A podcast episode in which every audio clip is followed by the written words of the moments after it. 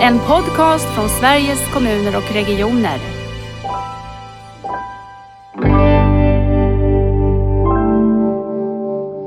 När vi träffades och gjorde upp och prioriterade vilka frågor eller hur, vad Alcindor ska vi göra, så var ju det en självklar eh, fråga som stod allra högst på agendan att, det, att patientens kunskap.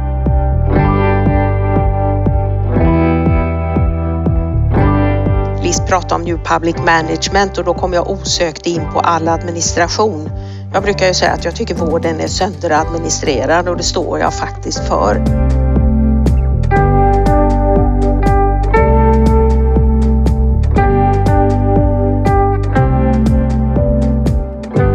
Idag kommer vi ha ett samtal med extra fokus på kompetensförsörjning, utbildning och forskning. Så varmt välkomna till Nära vårdpodden Ann-Marie Wennberg Lärkö och Liz Palm. Tack. Vi börjar med den vanliga frågan i Nära vårdpodden. Ann-Marie, vem är du? Ja, men jag är ju eh, professionellt så är jag sjukhusdirektör på Mm. Sahlgrenska universitetssjukhuset. Största universitetssjukhuset i Sverige och ett av de större i Europa. Och eh, jag är också professor i eh, hud och könssjukdomar.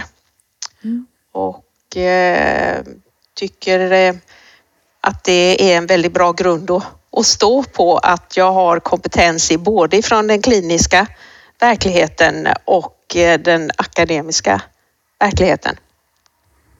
Det förstår jag. Är du aktiv också i den kliniska verksamheten? Eh, I min eh, kliniska forskning är jag det så Mm. att jag har fortfarande en hel del eh, jobb där och det tycker jag är bra för då får jag den här golvkontakten som jag tycker är, är så viktig. Man får inte bli att man svävar i något moln långt ifrån verkligheten. Det, det anser jag vara otroligt viktigt. Mm. Och mer då? Vem är du mer? Ja, sedan så bor jag i Göteborg, är göteborgska och eh, gillar att bo här, gillar Bohuslän, har eh, sommar, eh, vad ska vi säga, kan vara på sommaren uppe i eh, Kungshamnsmögen, trivs väldigt bra med det, med vattnet, havet. Och det är väl sånt som också nu under pandemin har skänkt, tycker jag, en, en eh, om man verkligen vill koppla av så långa promenader ut med vattnet. Ja. Det, det är helt underbart. Att det låter underbart. Du är ju också här för att du är ordförande i nationella vårdkompetensrådet och det ska vi komma tillbaka till sen vad det är för någonting och vad Ja. man gör där. Ja, stämmer. Tack Ann-Marie. Liz, vem är du? Eh, Jag, eh, Liz Palm, jag arbetar i Fyrbodals kommunalförbund som är ett kommunalförbund i Västra Götalands län som består av norra Bohuslän och Dalsland, Uddevalla, Vänersborg Trollhättan. Där arbetar jag med forskning och utvecklingsfrågor för socialtjänsten och den kommunala hälso och sjukvården till det vardags. Och vad har du gjort mer? Vad har du mer bakom Ja, dig? min bakgrund är ju att jag utbildade mig som dietist först och arbetade med det i många år och på 80-talet jobbade jag mycket med hjärt-kärlprevention och hälsofrågor. Och sen gick jag över att arbeta mer med folkhälsa och arbeta med det i tio år i Strömstad kommun där jag bor. Och då var det ju mer på samhällsnivå att titta på hur man kan främja hälsa. Och sen 10-12 år tillbaka så arbetar jag då för kommunerna i det här området. Och du ingår ju också i det här nationella vårdkompetensrådet. Eller hur? Ja, det gör jag och det är ju också en väldigt hedrande att få representera alla kommunerna i Sverige tillsammans med eh, David Ledin som vi är två stycken som representerar den kommunala hälso och sjukvården där. Så att, eh, ja, det, det är, är jätteroligt och bra att vi får vara med där. Ja, det känns ju så bra och vi kommer ju till det. Precis det här att det är både regioner och kommuner och att man tittar på frågan gemensamt. Men jag tänkte om jag stannar lite grann vid det ni har sagt nu. Ann-Marie, du säger eh, sjukhuset är Sveriges största. Eh, hur eh, stort är det? Ja, men tittar man på antal anställda så ligger vi på drygt 17 000 medarbetare Mm. och det inkluderar många tomter. Eh, När man talar om de större tomterna så brukar vi säga Östra Eh, sjukhustomten, Mölndals sjukhustomt och eh, då Sahlgrenska. men också någonting som heter Högsbo och så har vi en stor rättspsykiatrisk eh, avdelning i ett område som heter Olofstorp. Så, att, så det, det är stort kan vi säga, men också funktionellt. Så det är roligt. Och vi kombinerar ju det här med länssjukvård men också regional sjukvård och nationell högspecialiserad eh, sjukvård. Det är ju det som ligger i det här med universitetssjukvård. Eh, hur de är, och där går de ju in i varandra.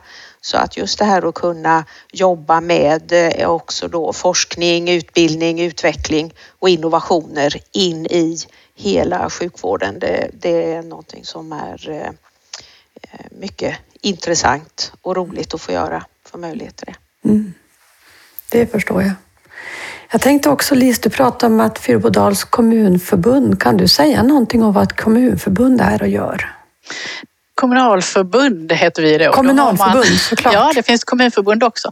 Men kommunalförbund, då har man lagt över någon kommunal verksamhet i en gemensam pott. Så, alltså kommunen är ju en egen huvudman som du vet och man får bara göra saker för den skatten för kommuninvånarna. Men så kan man göra kommunalförbund om man går samman om någonting. Räddningsförbund finns och gymnasie och sånt där finns. Men här är ett kommunalförbund egentligen kring tillväxtarbetet. Men det har också blivit så att vi samarbetar de här 14 kommunerna om många frågor som är gemensamt och vi, framförallt så har vi också en samlar vi rösten när vi ska prata med Västra Götalandsregionen. Och då är ju Västra Götalands län så stort så vi har fyra kommunalförbund. Men, och där blir det ju en utmaning för regionen att prata med, annars med 49 stycken parter. Så då försöker vi samordna det. Mm. Och, vi, och mycket blir ju mycket smartare om man gör det tillsammans också. Såklart, det är ju nästan en, eh, det är ju en stor del i hela nära vårdomställningen att hitta de här mellanrumsarbetena. Det kan man ju säga att kommunalförbund gör att täta där i mellanrummen mellan olika kommuner men också att hjälpa till i mellanrummet till regionen. Mm, exakt. Mm. Lis, vad betyder nära för dig? Nära? Ja, alltså då tänker jag ju på långt borta också. Sån är jag. Mm. Så då vill jag se någon motsats på nära och långt borta. Alltså det är ju... Nä, nära kan ju vara långt borta också. Jag tror att om... Alltså, nära måste inte vara fysiskt nära.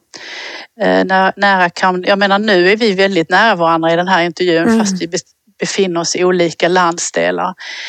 Men och man kan ju vara i samma rum som någon och känna sig väldigt ensam fast folk är nära. Så att jag tror att det är ett bra begrepp att prata kring vad det betyder. Både att man frågar patienter såklart, vad är nära eller klienter, vad är nära? Men också att vi försöker tänka till. Vad kan, alla orkar inte engagerat men att vi försöker tänka till. Vad är nära för den här personen?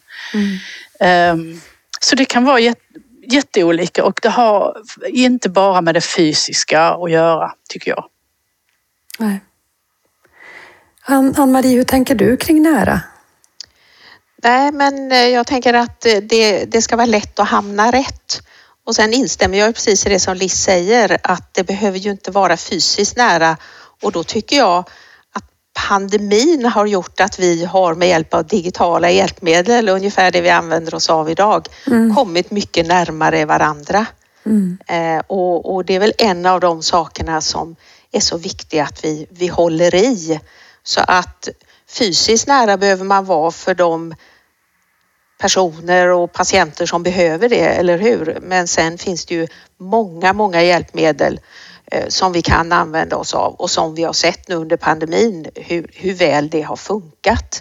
Mm. Och då kommer vi närmare och vi, vi är också eh, inte sliter, vi sliter inte på miljön på samma sätt.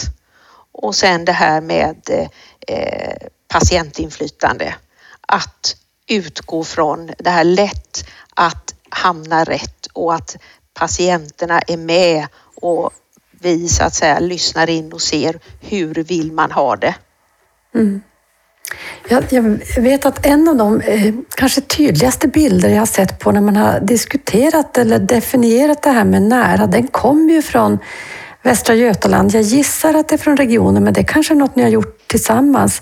Den, om ni kommer ihåg, den står nära i mitten och så finns det en del som är geografisk, en del som är mer relationell och en del som handlar om tillgänglighet. Vet ni, vet ni vilka jag menar? Mm. Jag vet precis.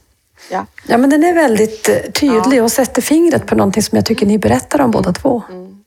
Och är det inte den som SKR har tagit och har som Mm. definition också?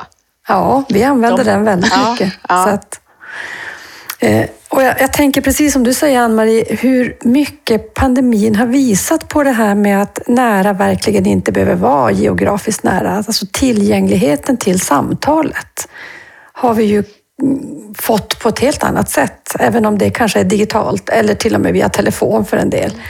Men just det här nära på det sättet. Nej, men jag instämmer helt, verkligen, verkligen.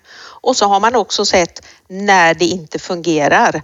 Och här så tycker jag en som var tidigt ute med det här eh, är ju faktiskt Anders Ekholm och medarbetare. Den här LEV utredningen som kom redan 2013 som ju hette Empati och high tech. Att använda de här digitala, använda våra hjälpmedel när vi ska så att vi får tid över och även då fysisk möjlighet till eh, de eh, medborgare och patienter som verkligen behöver, i detta fallet sjukvården till exempel. Och, och då blir det ju att man mer utgår ifrån behoven som jag tycker är så viktigt. Patienten eller brukarnas behov och inte efter vilka organisationer vi har. Som jag ändå tycker att vi gör alldeles för mycket. Det, det är ju där den stora omställningen måste göras. Exakt, och det, där, det är ju också det som jag tror kommer att vara den riktigt stora utmaningen, för vi är väldigt skolade i att stå i våra egna skor och betrakta världen därifrån.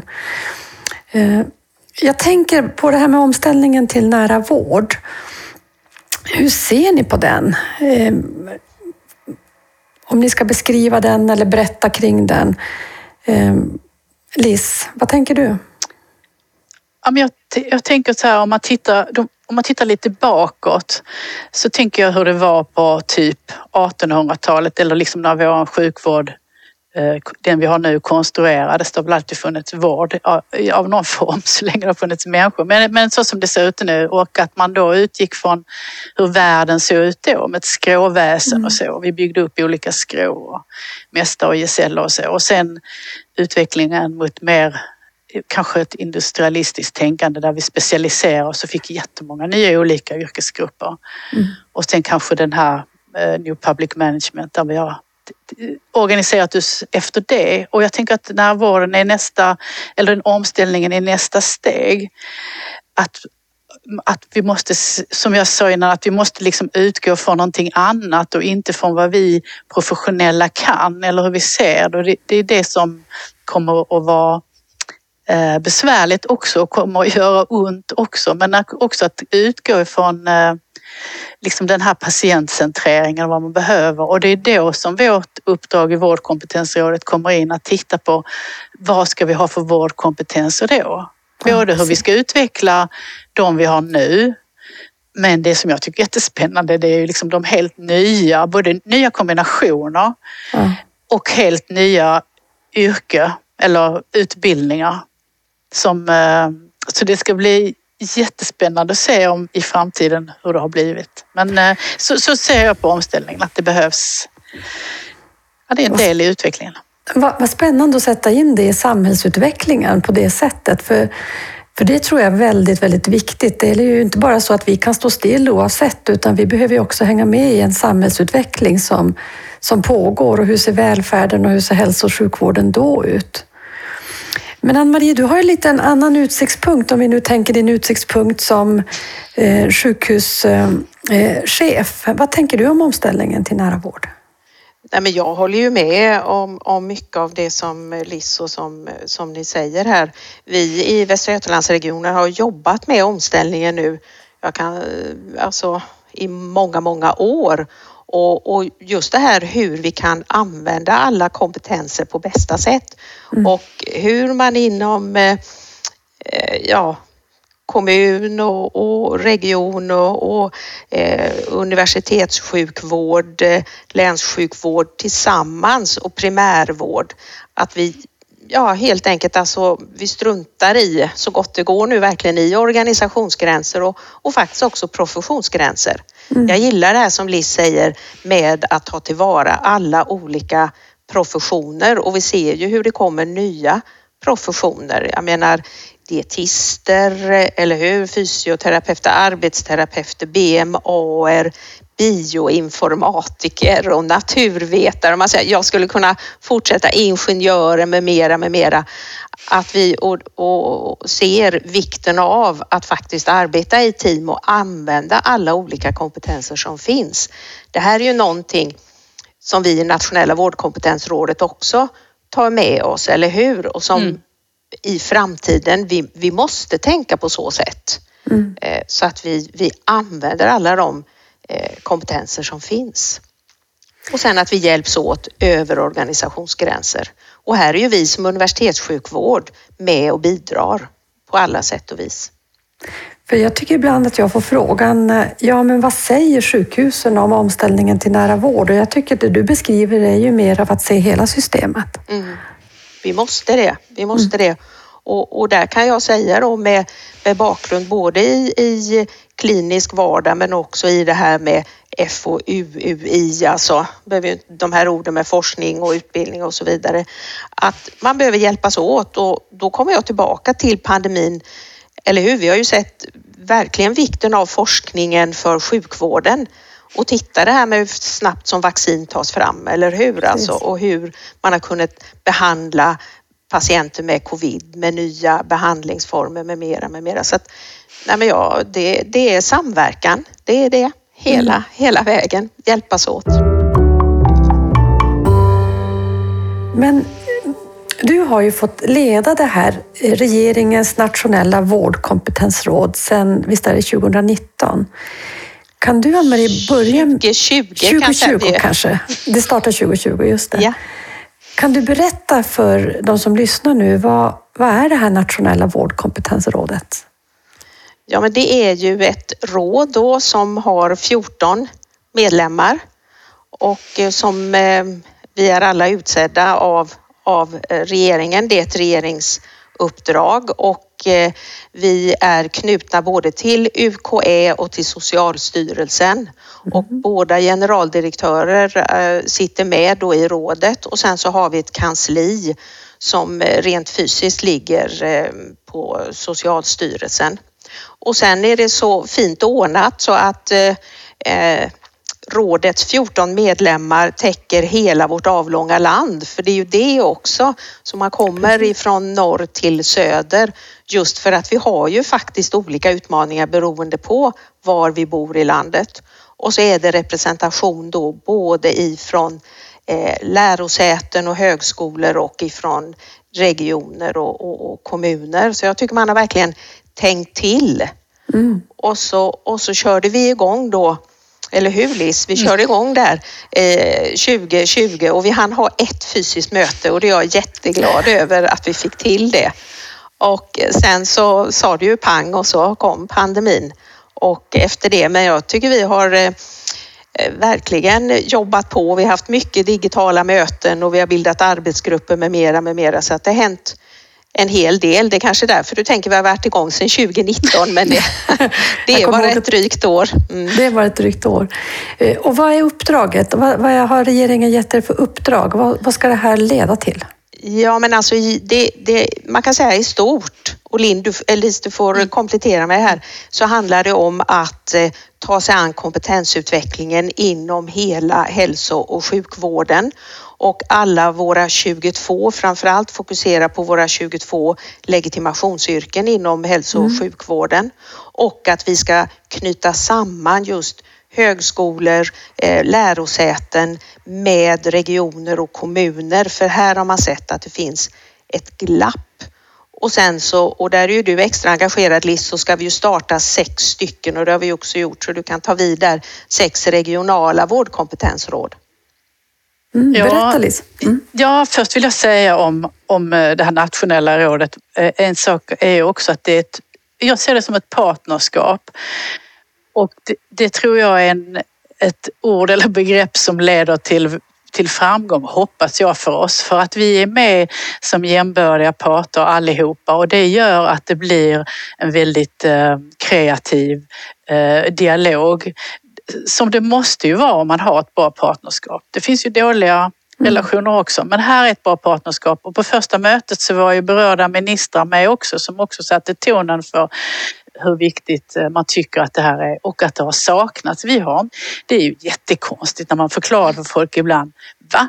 Nej men vi har inte träffats på nästan någon nivå. Alla parterna, alltså de båda huvudmännen för offentligt finansierad hälso och sjukvård och utbildarna och som Ann-Marie sa, till att börja med för de 22 legitimerade yrkena men vi har redan sagt att fler yrken kommer att, eller utbildningar kommer att involveras och då får vi kanske ändra sammansättningen i rådet. Mm. Men det är också så för att det ska hända någonting. Det är, det är väldigt eh, bra att träffa sina grupper men för att det hända någonting i praktiken som Ann-Marie sa så har det bildats regionala råd och det är utifrån sjukhusregionerna som ju okay. förvisso är sjukvårdens eller regionernas geografi.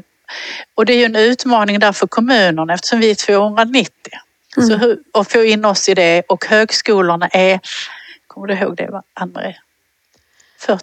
Nej, jag ska inte säga så att jag inte säger fel nej, siffra. Nej, men precis, precis. Men, men det är många där också och, och då måste vi liksom försöka knö in oss i det systemet. Men det har gått att bilda de här sex råden och alla har, alla har tagit fart och de kommer att arbeta med, på lite olika sätt. För det är ju precis som Ann-Marie sa, det är olika utmaningar i olika regioner som de här tre parterna har tillsammans. Det handlar alltså inte bara om vad utbildningsanordnarna har för utmaningar eller vad, vad regionsjukvården har för utmaningar eller kommunerna för då leder det ingenstans utan det är liksom den lilla mittbiten eh, som vi kan lyfta som det inte har funnits eh, mötesplatser för förut.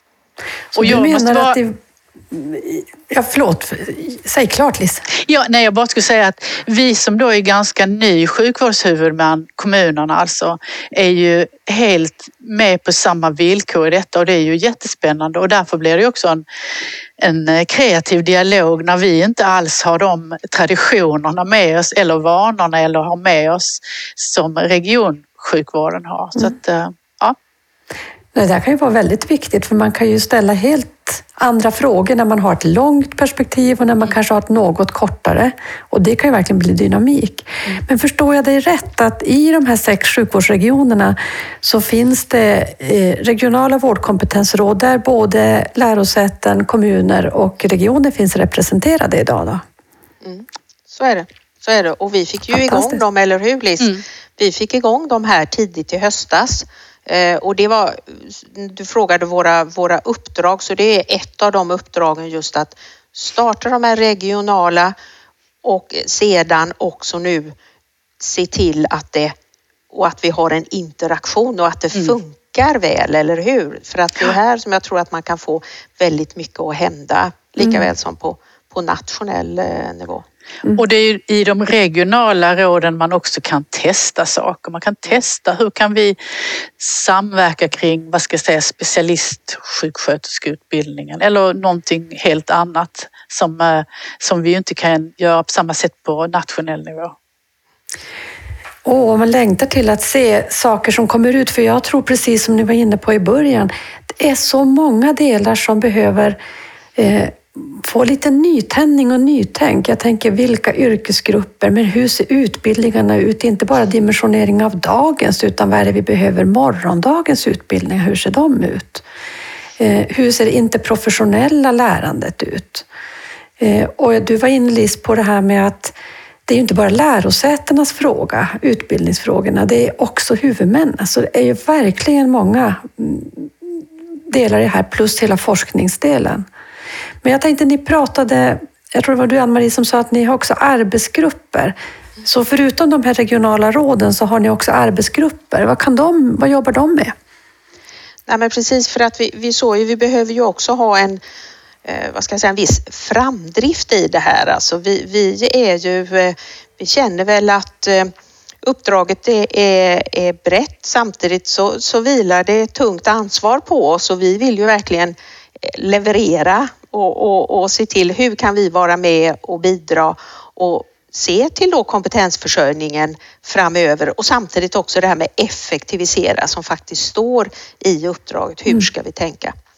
Och, och, ett sätt att bli mycket mer konkreta det är ju just att bilda arbetsgrupper och att man från varje arbetsgrupp kommer fram med ja men så här och så här tänker vi. Och då är det till exempel inom det här som heter VFU förkortat mm. alltså eh, verksamhetsförlagd utbildning som ju finns inom många professioner, eller hur? Där vet vi att det är en flaskhals och här behöver vi och här finns det att vi skulle och kan lägga rätt så praktiska aspekter på detta. Ja, men gör man så här och så här så kan man få till fler platser. För vi har ju ökat inom många hälso och sjukvårdsutbildningar så har vi ökat intagningen men samtidigt så har man ju också sett, det är ju den här stora revisionsrapporten som kom, eller hur? Att trots att man har ökat intagningen så, så får man ändå inte ut i hälso och sjukvården mer personer och då måste vi titta vad är det för flaskhalsar. Så det är en fortbildning till exempel är en annan. Mm. Sverige ligger riktigt i bakvattnet vad gäller fortbildning och det här är ju mycket, mycket viktigt att, att ha och komma med förslag på en nationell samordning och hur man ska göra detta. Just. Och sen har vi också inom klinisk forskning och också det här med inom läkarutbildningen så går man ju nu från och med mitt i sommaren här i juli så börjar man ju också med det som heter BT. Alltså AT ska ju så småningom fasas ut och så ska man mm. ha det här som heter bastjänstgöring. Så att det är några av dem och sen kommer vi ha en stor konferens, eller hur Liz? Vi ska ha en stor konferens här i september för att det är ju många som vill vara med och påverka och ha en interaktion med oss i rådet och det har vi på många olika sätt. Men den här konferensen blir ett av de sätten att just kunna interagera med professionsgrupper, med ja, SKR, med, med mera, med mera. Så att det, det ser vi som en, en väldigt eh, bra sak som vi också jobbar med. Vem är målgrupp för den konferensen? Ja, men egentligen så kan vi väl säga eh, alla, alla som vill vara med och, och ta del av detta vad gäller Sveriges framtid och kompetens försörjning och här inkluderar ju så att säga studenter eh, riktigt tidigt eh, i livet men också studenter som går inom våra hälso och sjukvårdsutbildningar, olika professionsgrupper, olika eh, och även våra fackliga eh, organisationer med mera, med mera. Mm.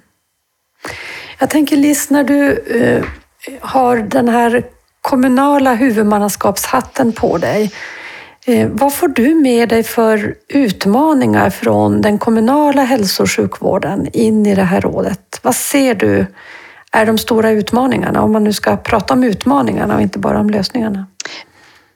Ja, alltså utmaningen är, utmaningarna, ja de är ju många. Det är ju som jag sa att vi är ju ändå ganska nya som man måste ta hänsyn till. Och där kan jag ju se i, när vi pratar om forskning och utveckling till exempel, så ligger, har vi ju inte alls eh, Ja, vi har inte den traditionen och vi har inte kommit i fatt och vi har inte riktigt hittat vårt sätt heller. Hur vi ska arbeta med det. Vi har inte riktigt hittat um, ens de här trapporna som man har i många, eller det kan heta olika saker, stegar eller så, som man har mycket mm. i regionerna till exempel för hur man kompetensutvecklar sig. Ehm, så, så där finns ju mycket att göra. Jag håller på att dammsuga vilka doktorander det finns som är anställda i kommunal hälso och sjukvård och också disputerade som är anställda i kommunal hälso och sjukvård. Inte på andra poster inte med annat med just det. Men det är, jag förvånad över hur få jag har hittat hittills. Mm. Så, så där är en utmaning och där är utmaningen att hitta eh, liksom en ordning för hur det ska, hur man, hur man ska få in det i, i verksamheten.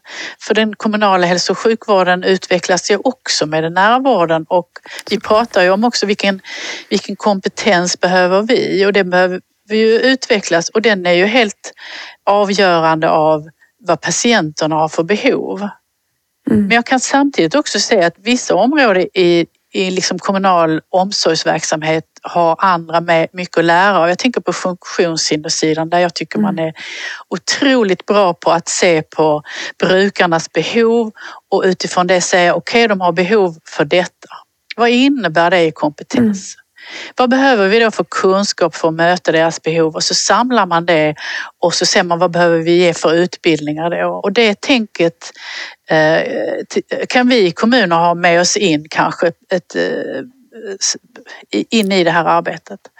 Men jag ser de, det är en utmaning och jag ser också VFU som ju också är en utmaning för kommunerna och också med tanke på hur små vissa huvudmän är. Alltså en kommun på 4 500 invånare med bara jag skulle säga nästan en handfull, det är det ju inte, men anställda inom den kommunala hälso och sjukvården om man jämför med vad Ann-Marie har under sin, sina eh, händer så, så, så vill det ju till att man får till bra praktikplatser men samtidigt så, så är det många små kommuner som är otroligt bra på det här utan där är ju istället utmaningen att få till studenterna att komma till dem.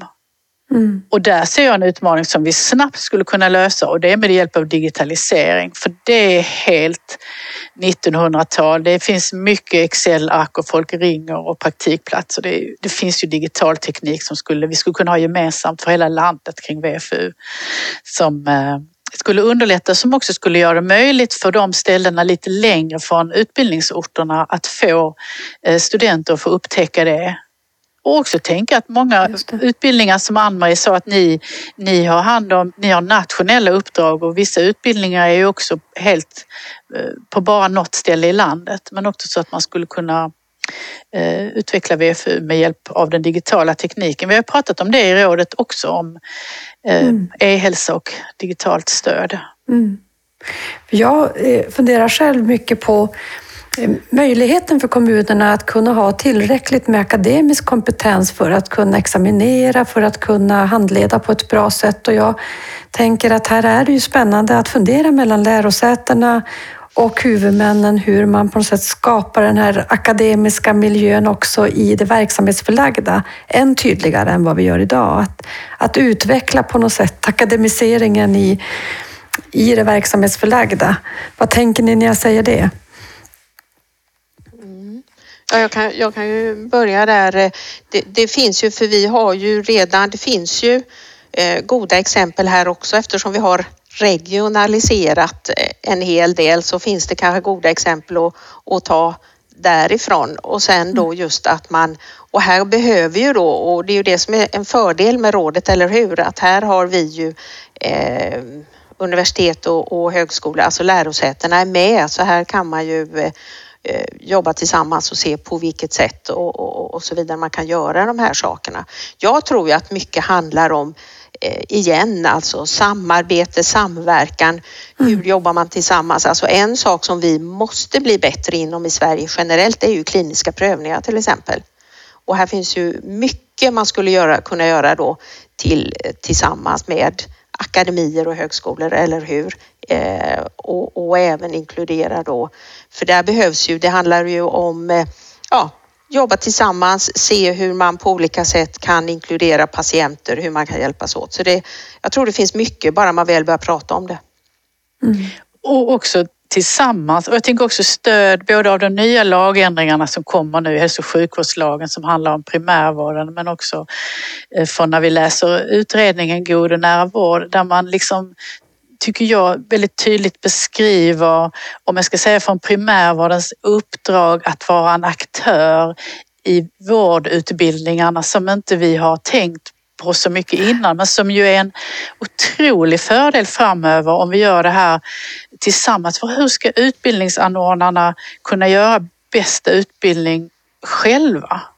Det är liksom när vi gör det tillsammans och det är också att vi utvecklar VFU till att inte bara vara någon slags administrativt system men som är en, som är en miljö där vi möts och där vi tar tillvara på studenternas eh, kunnande i nyheter och mm. eh, möte med utbildningsanordnarna i hur, hur vi utvecklas så att de också följer med. För det händer mycket i sjukvården och omvårdnaden nu. Mm. Så eh, Eh, de, de möten, det, det ser jag fram emot och också att det står, kommer att stå att vi har ett ansvar för forskning och utveckling. Det blir ett stöd för kommunerna. Men det är ju som Ann-Marie säger, det finns många lagar. Men vi, utan det är ju liksom i mötet som det ska hända någonting.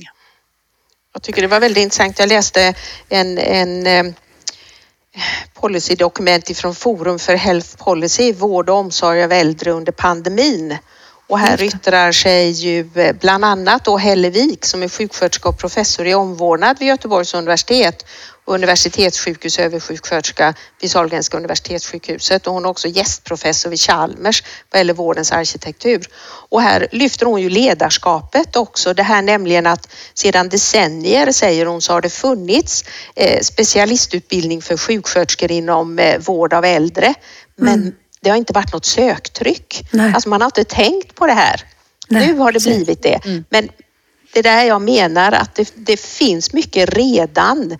Eh, men genom att komma samman och genom att utveckla, i detta fallet så, så tror jag det handlar mycket och det har vi pratat också inom rådet, eller hur? Eh, det här med ledarskap mm. och att mm. man som just chef inom hälso och sjukvården så att man är bekant med och känner till vad det finns för olika möjligheter och kan aktivt delta så att eh, eh ja, det finns mycket som kan, kan göras och här har det blivit, proppen har gått ur i och med pandemin så nu är söktrycket jättehögt på de här utbildningarna. Det är ju väldigt roligt. Det är ju fantastiskt. Mm. Och jag tycker också Helle är ju så, eh, hon och hennes kollegor så bra exempel på att man kan behöva samverka över landet för de gjorde ju också en sån här specialistutbildning för sjuksköterskor som var en nod där flera lärosäten samarbetar. Så det är också samarbetet mellan olika lärosäten som, som ger kraft.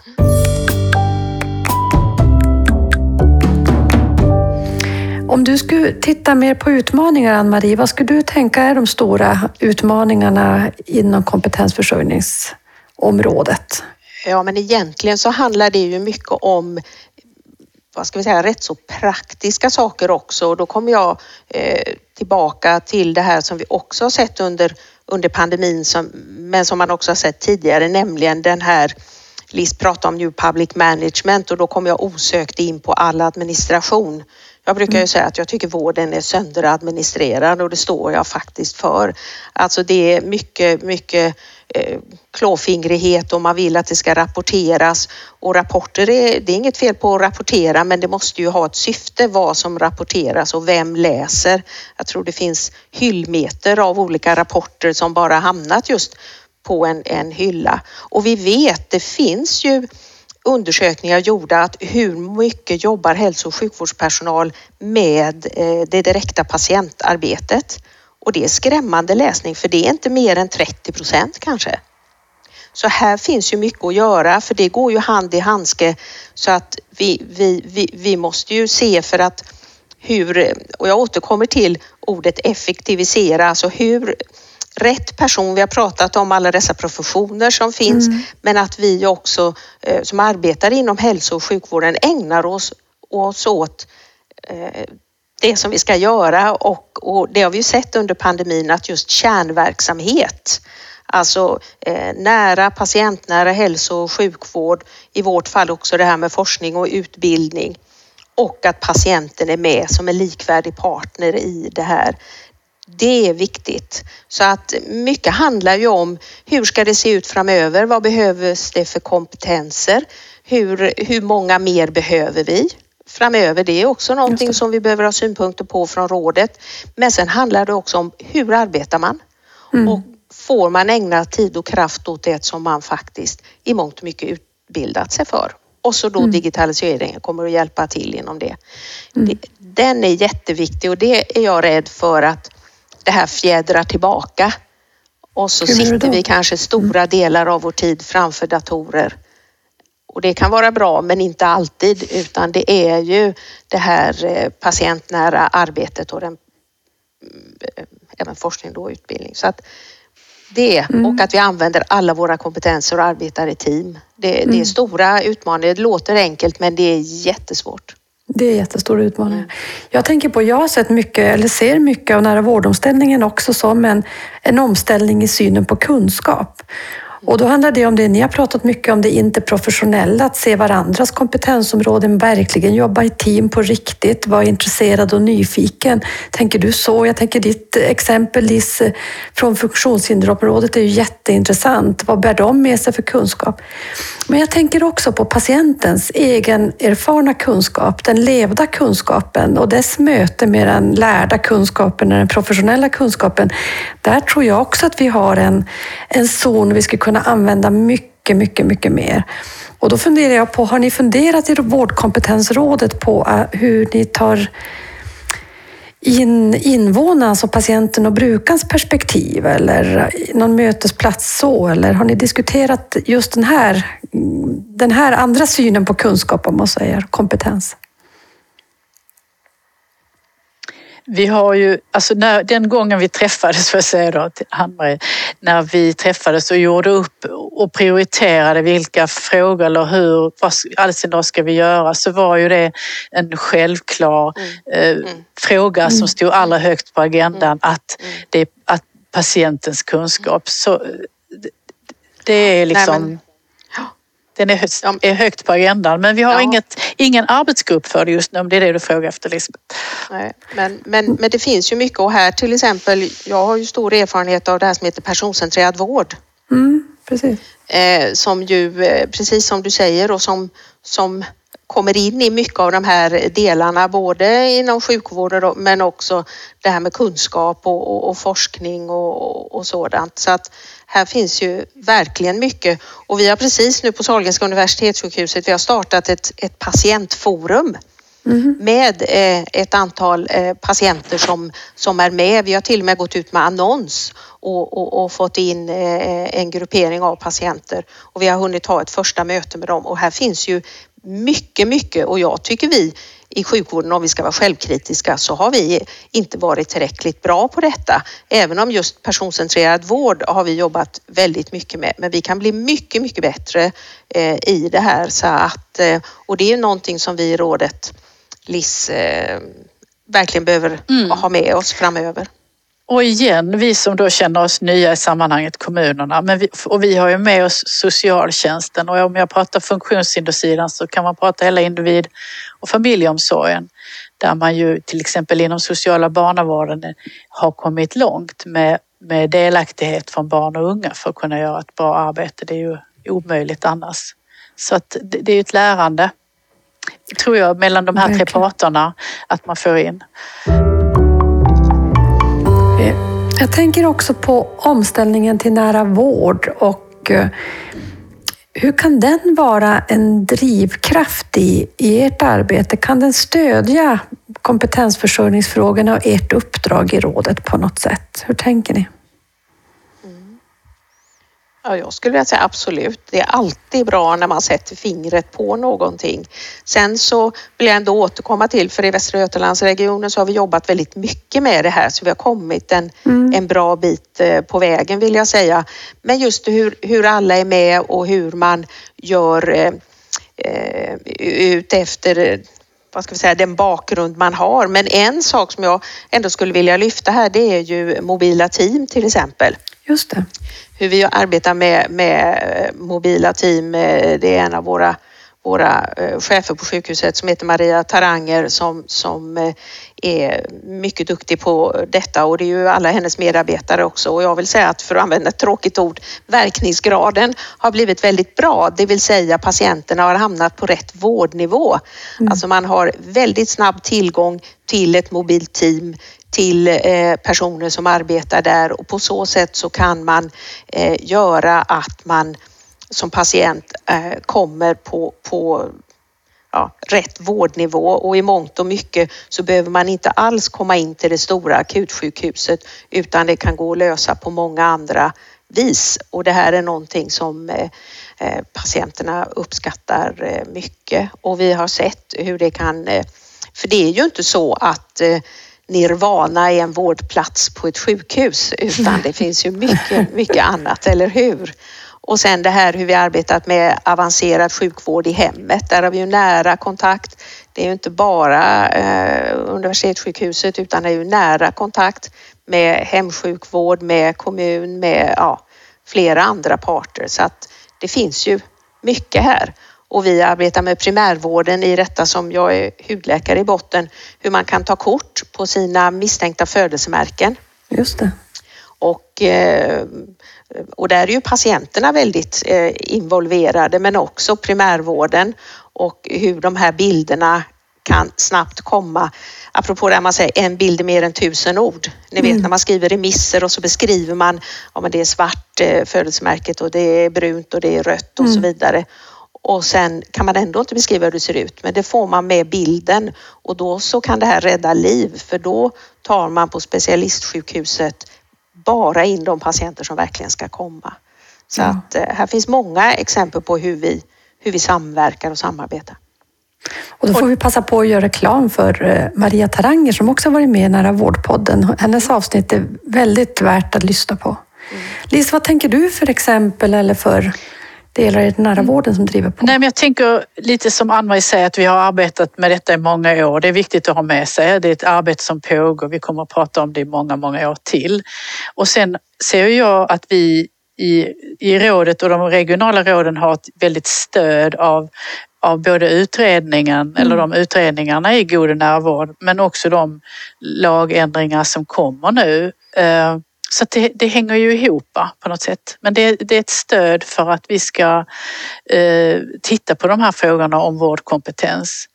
Eh, och jag håller med eh, Ann-Marie om de här både mobila teamen och närsjukvårdsteam. Som, det kommer ju mer och mer. Vi samverkar med, med, med sjukhusen i närheten och eh, ambulans och 1177 och vårdcentraler och kommuner men också ja, både i det stora men även i det lilla. Eh, jag hörde häromdagen Dals Ed som är en liten kommun i mitt område med där samarbetar man kring rehab, eh, legitimerad rehabpersonal till exempel. Alltså, Just det. det. för att det ska bli bättre för patienterna. Ja. Och det känner jag ju också igen som, som kommer från den norrbottniska kontexten att där får ju också kommun och region samarbeta med kompetensen för vi har inte så många så vi kan dubblera på alla poster och hitta sätt att jobba på det sättet. Ja, men jag skulle vilja säga det här med covid-rehab, där har vi också ett jättebra samarbete mellan eh, Sahlgrenska universitetssjukhus och primärvården.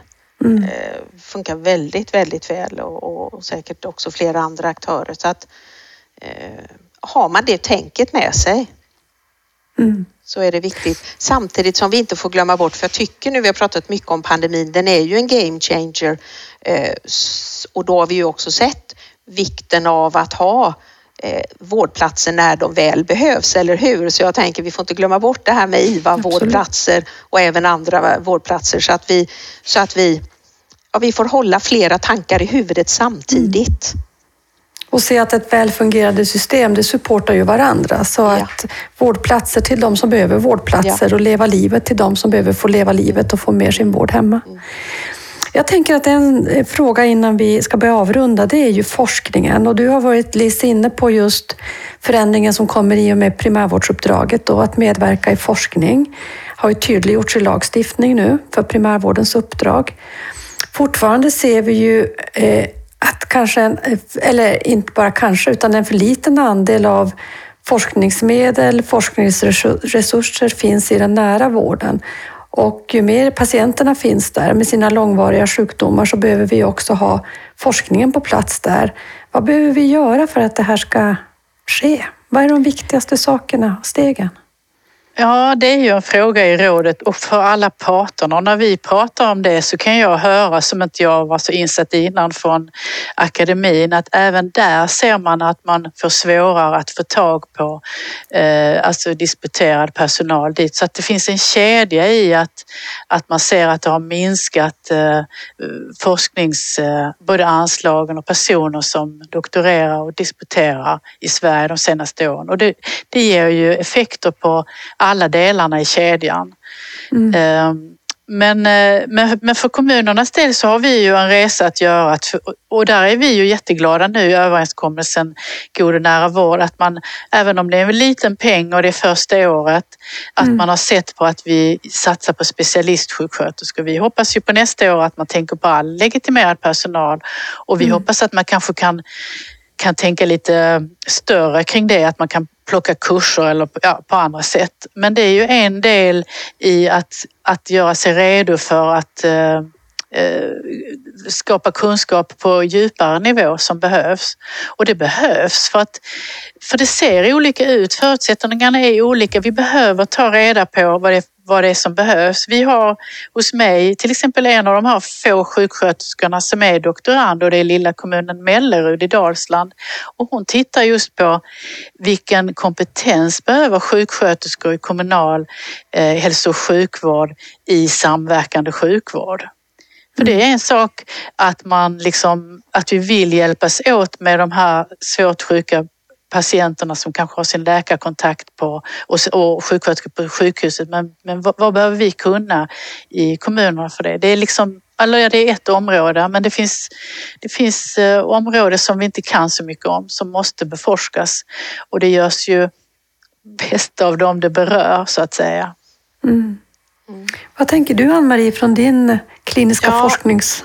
Ja, men precis. Alltså, det är ju det här alltså, det handlar ju om, om man vill få något att, att komma till stånd så är det ju, man måste efterfråga det, eller hur? Mm. Och sen så sitter jag, jag sitter här och, och bara äh, tänker på det här med eh, karriärvägar, alltså det måste vara då, då måste det ja, löna sig att satsa på sådana karriärer och vi måste få till, och det är någonting som vi har med oss eh, på universitetssjukhuset, nämligen det här att Eh, visst, vi behöver fler som eh, mm, disputerar, alltså medicindoktorer, Eh, men vi måste också se till, för här är vi bekymrade för vilka är det som är lärare och detta har vi talat mycket om mm. inom rådet. Lärare är ju då, då, bör, då ska man ju vara docentkompetent mm. och, och, vi har sett en vikande att inte det är lika mm. mycket docenter eh, som tidigare. Vi har något som vi tillsammans med just Sahlgrenska akademin då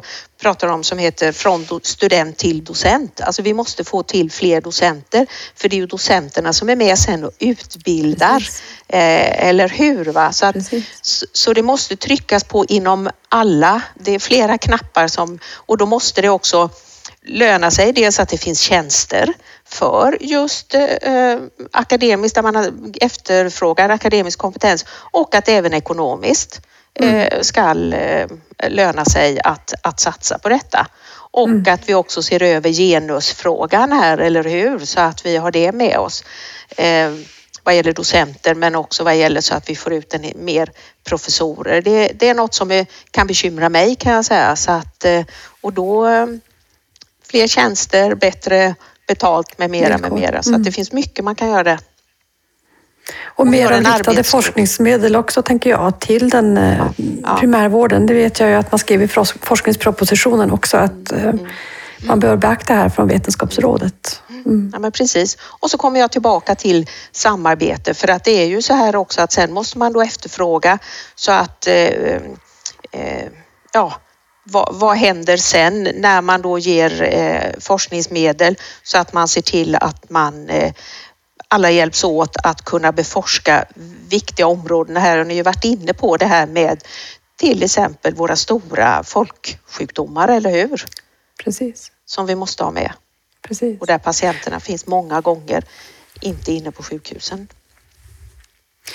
Nej, och jag tänkte ett område som vi kanske sällan pratar om som klinisk forskning, det, det är ju hela ledarskapsdelarna i hälso och sjukvård, där vi mm. också måste få en starkare eh, vad ska jag säga, evidens och kunskap kring mm. hur vi kan driva förändringar i de här komplexa systemen som inte är bara att titta på ledarskap från alla andra branscher. Så att det finns mycket spännande. Hörrni, eh, det går snabbt när man pratar om viktiga frågor och det har alldeles snart gått en timme i ett spännande samtal. Är det någonting som ni vill skicka med eller något sista ord från er båda innan vi eh, avslutar det här samtalet? Något som känns angeläget för er eh, till, till de som lyssnar kring kompetensförsörjningsfrågorna framför allt? Ja, jag, kan, jag återkommer till det här eh, ändå kärnverksamheten, nej att eh, hälso och sjukvård ska arbeta med hälso och sjukvård och här så tar jag med precis det här som vi har pratat om, forskning, utbildning. Mm. Eller hur? Va?